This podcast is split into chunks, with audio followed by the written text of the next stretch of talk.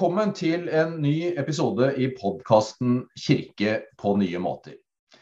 I dag så sitter jeg på Zoom. Jeg prater med Håvard Nyhus. Og temaet for dagens samtale det er Jordan Peterson, som eh, jeg om noen få øyeblikk skal komme litt mer tilbake til.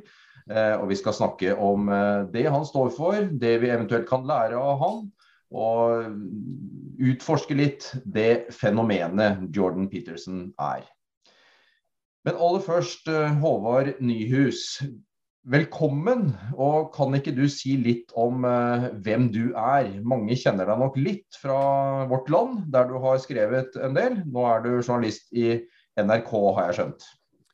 Det er helt riktig. Veldig hyggelig å få være med. Jeg er altså Håvard Nyhus. Jeg, livets omstendigheter har ført meg til Førde på Vestlandet. Og med omstendigheter så mener jeg vel i all hovedsak min kone. Vi lever altså i Førde, og der har vi tre små barn sammen. Og jeg er 40 år gammel og identifiserer meg mest uh, som småbarnsfar, som du skjønner. Det er der jeg begynner. Og så Sekundært så er jeg skribent og vaktsjef i NRK. Mm.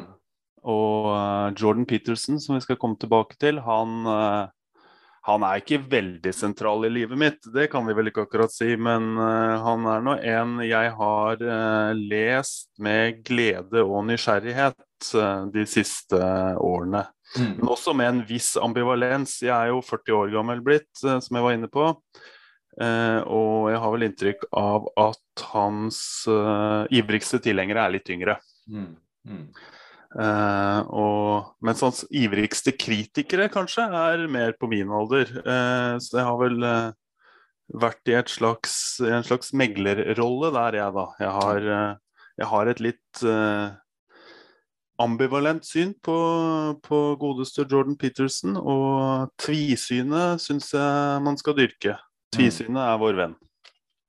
Ikke sant. Ja. Trenger du å vite noe mer om meg? Eller så er jeg eh, glad i Tottenham og HamKam og bruker akkurat passe nok tid på fotball og langrenn.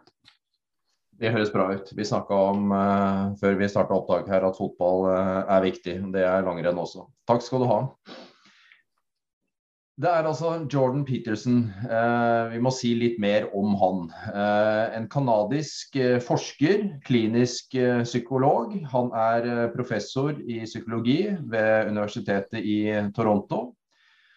Som har forska mye på sosial- og personlighetspsykologi, med vekt på psykologiske forklaringer på religiøse og ideologiske trosforestillinger. Han har han har jo blitt et fenomen, ikke minst på YouTube, eh, hvor eh, det ligger masse både forelesninger og eh, korte mm, taler osv. om psykologi, filosofi og religion av han. Og kanalen hans der har eh, over én million abonnenter. Hvordan ble du kjent med ham, eh, Håvard? For det, det er ja. år siden. Det er, Jeg ble kjent med han eh, på samme måte som de fleste, tror jeg. Det var vel i 2016 at han eh, tok et skarpt oppgjør med en kanadisk lov som påla ham å bruke riktige kjønnspronomen. Og da dreide det seg om en hel serie kjønnspronomen, altså ikke bare hun og han, men eh, et lite konglomerat. Og han er i utgangspunktet en veldig liberal eh, type og mener at folk skal få bruke de pronomene de vil om seg selv, og skal kunne få identifisere seg med gjerne opptil 10-15 ulike kjønn, hvis det er det om å gjøre. Men eh, som liberaler så fant han seg ikke i at dette ble pålagt ham ovenifra.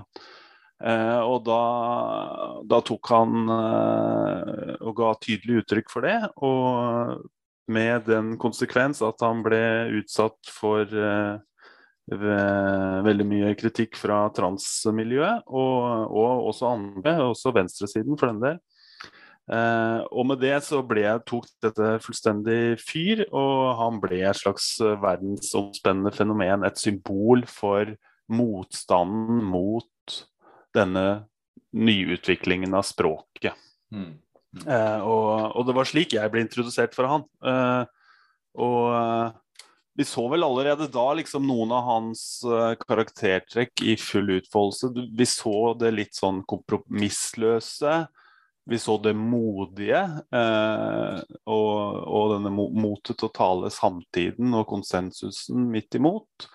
Og så så vi vel også dette litt mer sånn halvstarrige, tverre som han også har ved seg. Så det er egentlig når vi ser tilbake til 2016, så fikk vi på en måte frampek eh, og en pekepinn på hvem han er, og mot hvem han skulle representere de neste fem åra. Mm, mm. Ja, for han har blitt ganske om omdiskutert? Han er en uh, meget uh, omstridt skikkelse og veldig polariserende. Den kjærligheten, faktisk, og som han, som han er omfattet av hos andre er jo eh, på en måte parert med tilsvarende hat og forakt fra andre. Så han har blitt en ekstremt polariserende figur. Jeg har, eh, eh, som jeg var inne på, så har jeg på en måte prøvd å innta en slags mellomposisjon her. Da. Jeg syns han har mye ved seg, og så har, så har, han ting ved seg som også jeg steiler ved og mm. grøsser ved. Mm. Mm. så, men, men, totalt sett så syns jeg han er en utrolig eh, Jeg er glad for at han finnes, for å si det sånn. Han, eh, av veldig mange ulike grunner, men også kanskje først og fremst motet til å tale samtida og tidsånden midt imot. Eh, den type skikkelser har jeg alltid latt meg begeistre av. Og, og gudskjelov for at de finnes, altså. Mm. virkelig. Ja, er, de er, jo, de er, jo, sånne typer som, som De brenner eh, hett og intenst. og de er liksom uh, forbundet med en sånn type energi som også kan være farlig og destruktiv. Uh, det er jo en helt spesiell type, dette her. Jeg har jo vært litt opptatt av dette enneagrammet, som veldig mange innenfor kristne kretser faktisk er. Og der er han jo en typisk åtter. Nå snakker jeg kanskje litt innforstått, jeg vet ikke om du kjenner til enneagrammet. Men, men det er jo sånne lederskikkelser som får gjort mye, men som også er forbundet med kaos. Mm. Akkurat. Ja.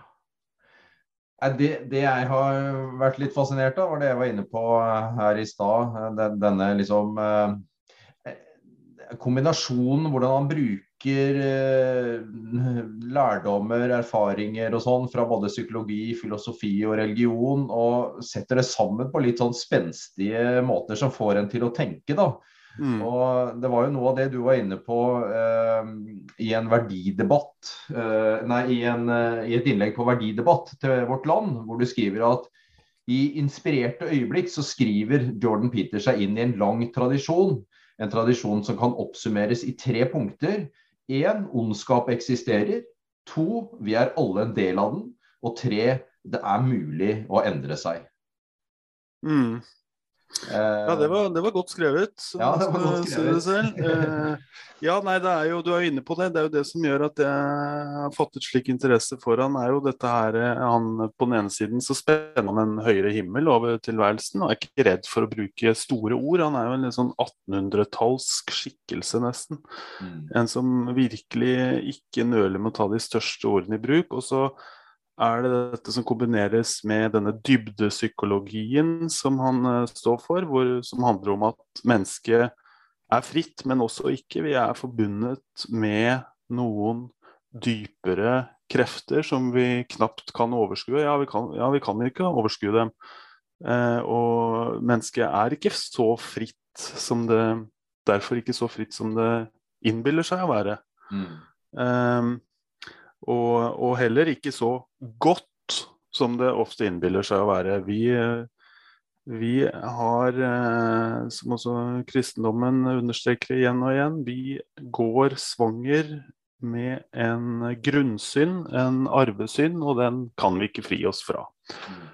og det er denne herre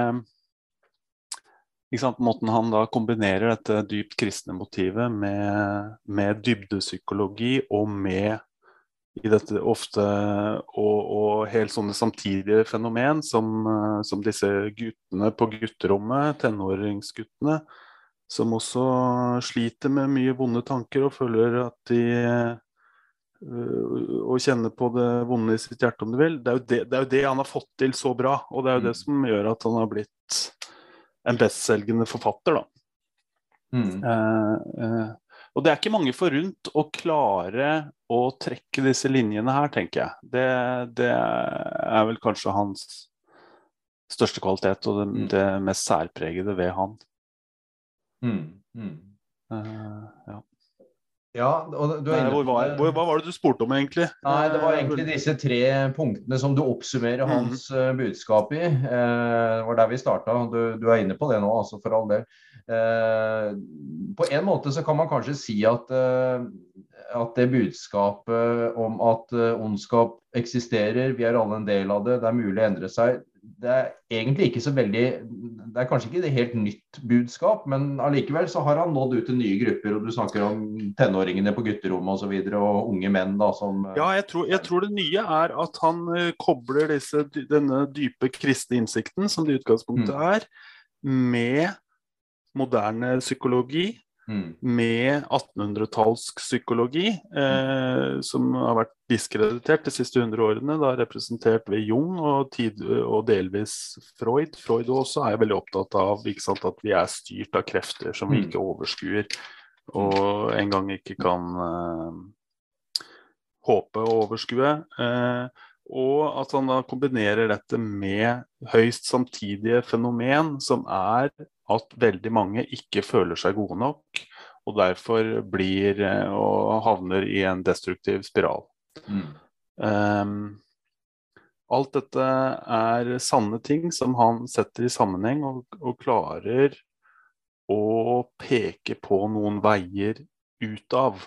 mm, Ehm, og han har jo blitt, blitt litt latterliggjort, egentlig, for disse ofte ganske enkle, basale rådene til disse tenåringsguttene som, eh, som eh, sitter litt sånn håpløst fortapt på gutterommene sine. Og han har også blitt latterliggjort for å forsøke å løfte fram igjen denne 1800-tallsk eh, psykologien. Som eh, ikke alltid er like evidensbasert, og som har vært eh, diskreditert i 100 år. mm, Men faktum er jo at det fungerer. mm, mm, Og det er jo det store paradokset her. Da. Altså, det er jo ingen tvil om at disse rådene her, som uh, ikke taler til meg og deg, men de taler helt åpenbart og treffer disse unge guttene i alderen 15 til 25, altså. Eh, Det er jo he egentlig helt bemerkelsesverdig hvor mange liv han har fått på rett kjøl mm, å akkurat. gi disse helt enkle livsrådene. Ja. Og det er jo en annen ting òg.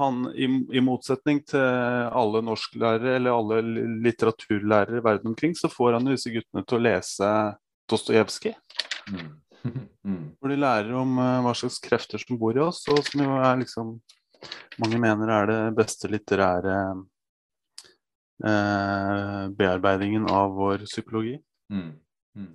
Nei, så, så det, er, det er det virkelig bare å Jeg, jeg eh, Som sagt, det er, det er ting Jordan Peterson sier som jeg krymper meg over, og som jeg grøsser ved, men, men det han har fått til eh, i møte med disse unge og tidvis litt fortapte guttene, det, det syns jeg er helt enestående, og det syns jeg man skal berømme han for. Og så kan Mm. man samtidig kritisere han for når han kommer med litt sånne han har jo også en evne til å komme med litt sånne slappespark mot eh, venstresida og kulturmarxister og sånn. Da blir han plump. Så han har, et, han har en utrolig spenning i seg. altså Han kan Mm. svinge fra det veldig innsiktsfulle til det veldig plumpe. Denne podkasten heter jo 'Kirke på nye måter', og jeg forsøker å liksom reflektere litt rundt eh, ja, rett og slett hvordan Kirken kommuniserer da, i vår tid, og hvordan vi snakker eh, på troverdige måter om, om evangeliet og kristen tro osv. I, i dette innlegget da, på Verdidebatt så skriver du bl.a. at han eh, har introdusert Jesus for et sekulært publikum eh, på helt, Mm. helt nye måter. Og du er inne på disse mm, unge, unge guttene, bl.a. Eh, og, men også at han eh, ved det han gjør, så er han med på å forsyne nye generasjoner med briller til å granske evangeliet og livet på nytt. Det er en av hans store fortjenester. Det er ganske, ganske store ord du bruker her om den effekten han har, da. Ja, det er mulig, mulig jeg drar på litt for leserens skyld eller dramaturgiens skyld, men, eh, men, det er jo faktum at han eh, skriver veldig mye om Jesus. Ja. Eh, og Det nye testamentet eh, hos han er jo det overordnede motivet, om du vil, eh, og forståelseskategoriene til Jordan Peterson er at livet og verden og tilværelsen har to grunnkrefter. Det er kaos og orden. Mm. Uh, vi trenger begge deler. Dette er på en måte hans yin og yang. Uh, orden sørger for eh, stabilitet og, og, ro og harmoni, men dette kan stivne og bli uh, hvis vi ikke også har et element av kaos som sørger for nyskaping og, og endring.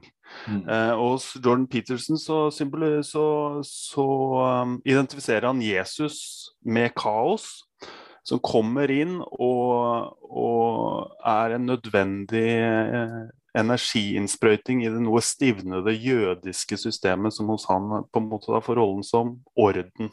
Mm. Gamletestamentet orden, Nytestamentet er kaoset som sørger for liv inn i dette her. Um, og, og dette, det er klart at eh, Når du skriver, eh, skriver, om kaos og orden på den måten, og om Det nye og Det gamle testamentet på den måten for, en, for et yngre publikum, så tror jeg du lærer dem eh, så, så, er det en introduksjon til Bibelen som de ellers ikke ville fått. Mm. Eh, på samme måte så er han veldig opptatt av at vi skal eh, vi skal bekjempe dragen i vårt indre, som han eh, identifiserer med mørket. Og, han, og på den måten så, så, presenterer han Jesus som den store dragedreperen. ikke sant? Mm. Eh, vi har jo dragedrepere i norsk mytologi også, men på den måten så, så tar han og kombinerer eh, noen bibelske motiv med disse her med denne andre type mytologien som særlig mange tenåringsgutter er veldig ofte veldig godt bevandret i. Da. Altså, og da tenker jeg på Tolkien og alle dragene og sånt som dukker opp der. Eh, mm. så han, han, greier Igjen så klarer han å trekke noen linjer mellom ting som det ikke umiddelbart Som ikke så mange andre har trukket linjer mellom tidligere. Eh, og som det kan være vanskelig å se at er forbundet. Men eh, når man leser Jordan Peterson, så kan man plutselig se sånn Aha, aha. Ja, disse tingene er forbundet. Mm.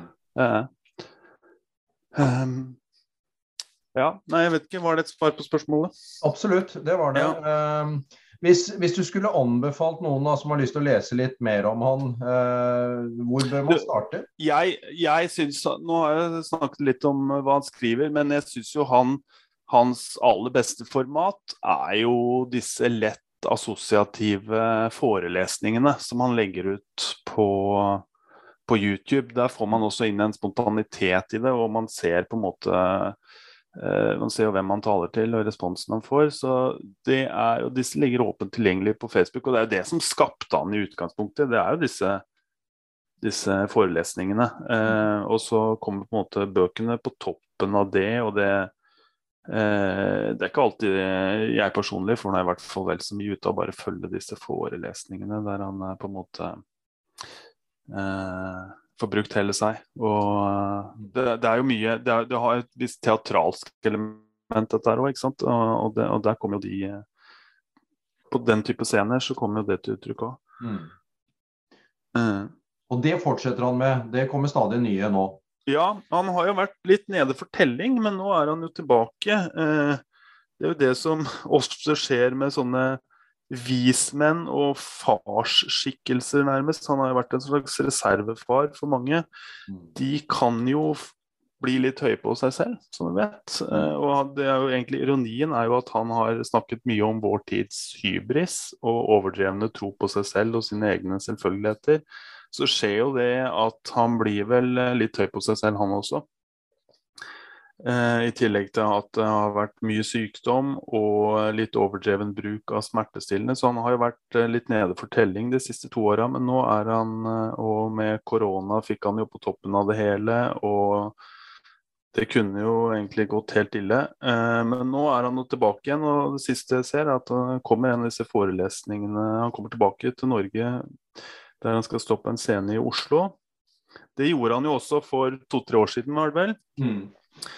Eh, det var angivelig ikke så bra. Jeg var ikke der. Billettene ble jo revet vekk på minutter. Han er jo, han, han er jo blitt et slags sånn Han er jo et eller annet sted mellom rockestjerne og forfatter og akademiker. Han er noe litt sånn ubestemmelig.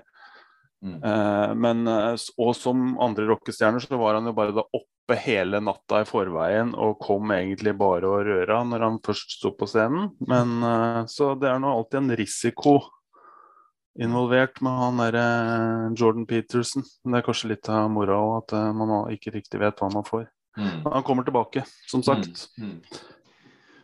Hvis vi skal gå litt videre da, til eh, liksom kirken i dag og teologien, eh, folk som forkynner eller underviser. Eh, jeg tenker jo at det må jo være noe å lære av han. Én ting en ting er liksom formen og sånne ting, som, som, er fascinerende å se hvordan det er, det er, et show på en måte, og disse YouTube-talkene hans og sånn. Men, men, også innholdsmessig. Det, altså, det er jo ting her som er liksom i berøring med det helt, helt eksistensielle, også for folk som har passert uh, eh, 25 år? Uh, ja, absolutt. Og de uh, Altså, han er jo en ivrig, ivrig til å sitere Kirkegård og Nietzsche og nevnte Jong og Dostojevskij. Dette er liksom hans nøkkelfigurer som han gang på gang tyr til, og Rousseau for den del. Mm. som og han har sin egen uh, syndefallsberetning, om du vil. Hos Jordan Peterson så er, jo, er, den jo delvis forbundet med den industrielle revolusjonen og den uh, liksom, fremmedgjøringen som kom inn i verden da. Uh, og, og misunnelsen mener han jo er også et slags produkt av moderniteten. når folk kom inn til byene og kunne begynne å sammenligne seg med hverandre mye mer enn de gjorde tidligere. Mm. Så det, nei, han har uh, Dette var altså 1800, 1800, Når jeg sier 1800-tallsmannen, så mener jeg også sant, at uh, det er jo disse skikkelsene som, som baler med eksistensielle spørsmål akutt og hele tiden. Uh, så han er i den kategorien. Og når det kommer til kirka, en ting han skriver mye om da, som jeg ofte har tenkt at kirka kan være enda mer offensiv på, og, og sånn sett ta lærdom av Jordan Peterson, det er jo dette spørsmålet om vitenskap versus religion. Er jo, det er jo en problemstilling som kanskje er enda mer akutt i en sånn eh, nordamerikansk setting da, som han tilhører. Mm. Eh, her i Norge så er jo kanskje den konflikten ikke like opplagt. Men han har i hvert fall, han skriver veldig mye om, eh, mye om akkurat dette her, og hvordan eh, kristendommen representerer andre sannheter enn den vitenskapen bringer til torgs, og at uh, konflikten sånn sett uh, er uh, ikke-eksisterende. Um, der, der, tenker jeg jo der, der, er det vel en tendens til at mange i norske kristne miljøer nøler og mumler og blir svar skyldige. Der tenker jeg at mange kanskje med fordel kunne tilegnet seg noen av Jordan Petersens uh, talepunkter. Mm. Um, ja, hva mer, da? Uh, og så er jo dette her med Og så peker han jo også på, ikke sant, som jeg var inne på i stad, uh, mørket i oss. Uh, der òg syns jeg vel kanskje kirka ofte kan være enda modigere og tøffere, om du vil. Um, Snakke, snakke vel så mye om det. Um, var det noe mm. mer jeg skulle si men nå glapp det for mm. meg. Er det noe med, Du, du sa innledningsvis at han er ikke redd for å bruke de helt store orda. Er, er det noe der òg? Altså han, han, evner å sette liksom de helt uh, ja. store spørsmålene på agendaen. da.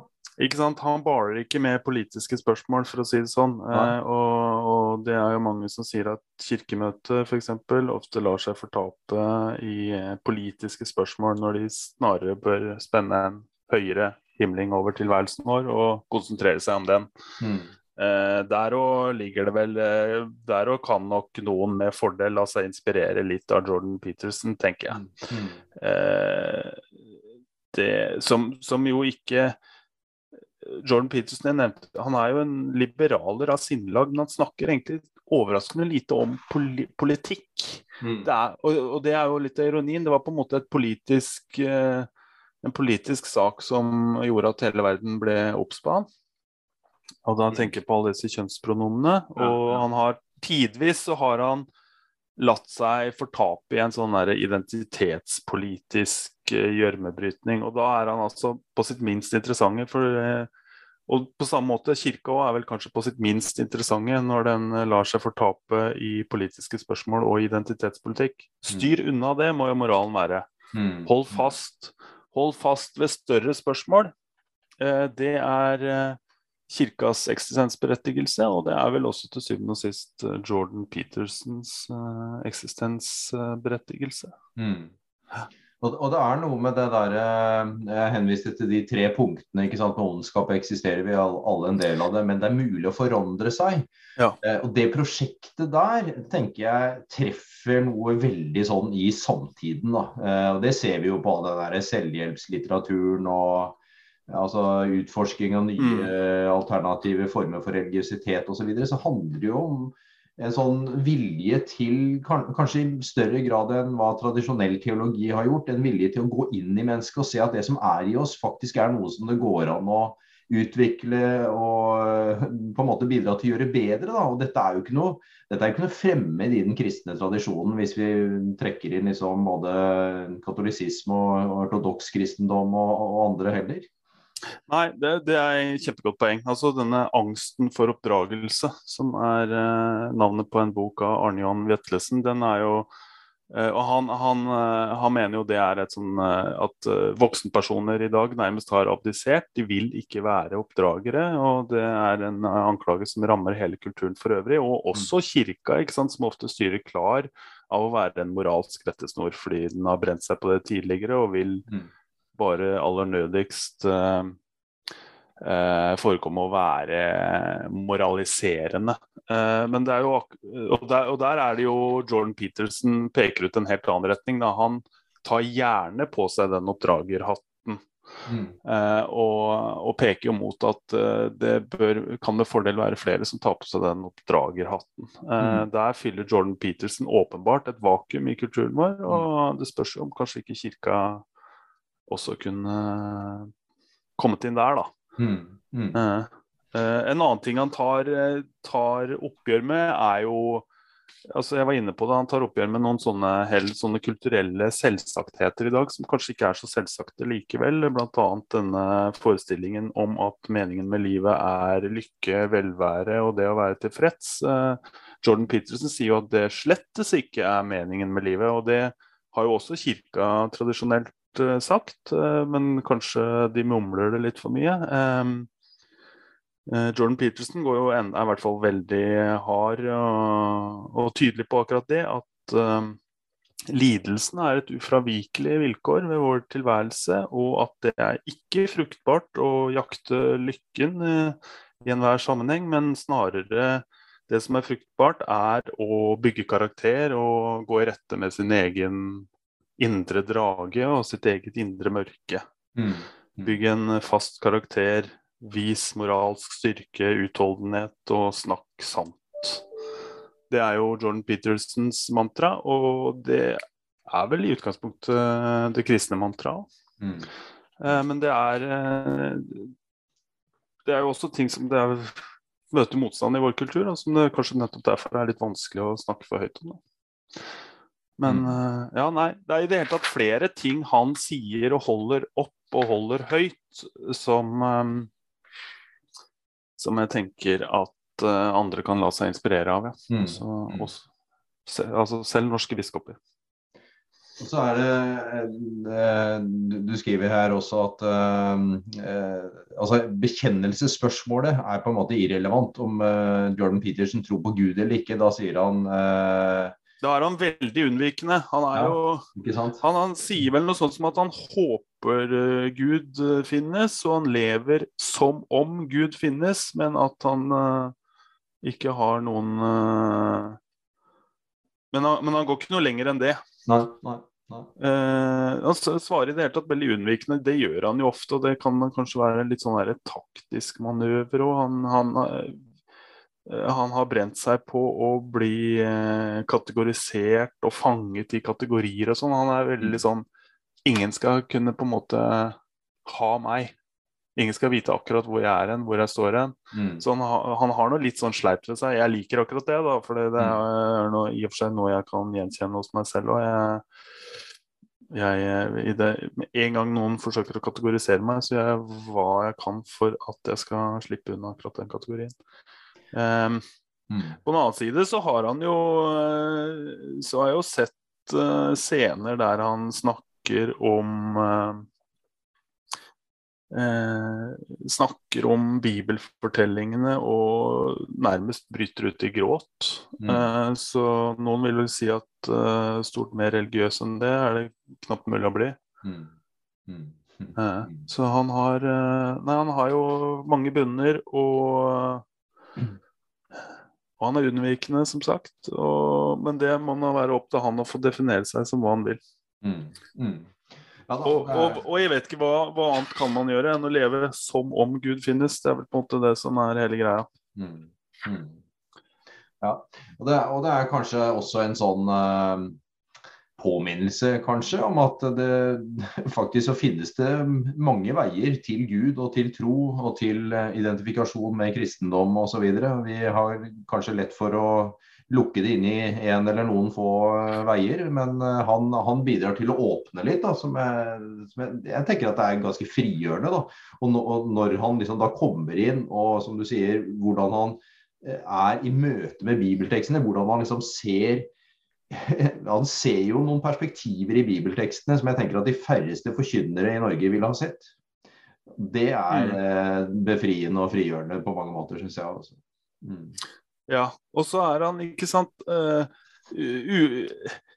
Uavhengig, det er jo ikke så viktig hva han tror eller ei, men poenget er at han vet uh, Han vet å kjenne med seg selv og med sikkerhet at mennesket trenger en høyere himling for i det hele tatt uh, å, å kunne stå opp om morgenen og Mm. kunne fungere. Mm. Uh, han siterer jo bl.a. denne velkjente Nietzsches aforisme at den som vet hvorfor han lever, kan holde ut et hvilket som helst hvordan. Og det er jo det han gjentar igjen og igjen og holder fast ved, og som uh, og som flere kanskje kan ta til seg, at vi trenger et hvorfor. Mm. Han er eh, eh, Og, og, og da, da er det i og for seg ikke bare så, så lenge det, det, det spørsmålet holdes ved like og, og stilles daglig, at vi ikke slutter å stille spørsmål om hvorfor, så er mye gjort. Og, der syns jeg han har vært en veldig sånn, viktig påminnelse i vår kultur, da, som en Mm. sånn som en sånn eh, som en gul Post-It-lapp på kulturen vår. Noen må stille spørsmål om hvorfor. Eh, for det er et spørsmål som ofte kan drukne i mylderet. Altså. Og da vet ikke, da, da vet ikke mennesket sin arme råd, Mm. som også Nietzsche var innom. Og Nietzsche ellers trodde jo ikke på Gud, ikke sant? Det, det er ikke poenget, det. Nei. Men eh, nei, vi, vi trenger noen eh, som, som eh, holder, holder opp disse store spørsmålene. Eh, fordi eh, ellers så er det så mye som trekker i retning at de spørsmålene forstummer.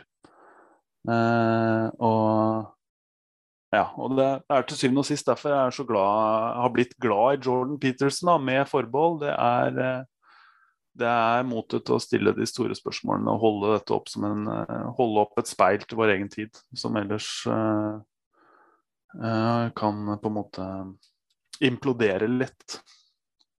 Mm. Ja. Håvard, tusen takk for uh, praten. ja, vi har holdt på lenge nå, kanskje. Jeg har ikke sett på klokka engang. Vi har eh, holdt på eh, akkurat passe, tenker jeg. Ja. Takk for at du har delt av dine kunnskaper og, og interesse for, for Jordan Peters, Peterson. Så um, mange takk skal du ha. Det var bare hyggelig. Veldig, veldig fint å være med. Og appellen til våre lyttere må vel da være å komme seg på YouTube og bestille noen eh, Jordan Peterson-bøker. Rett og slett. Vi lar det være siste ord.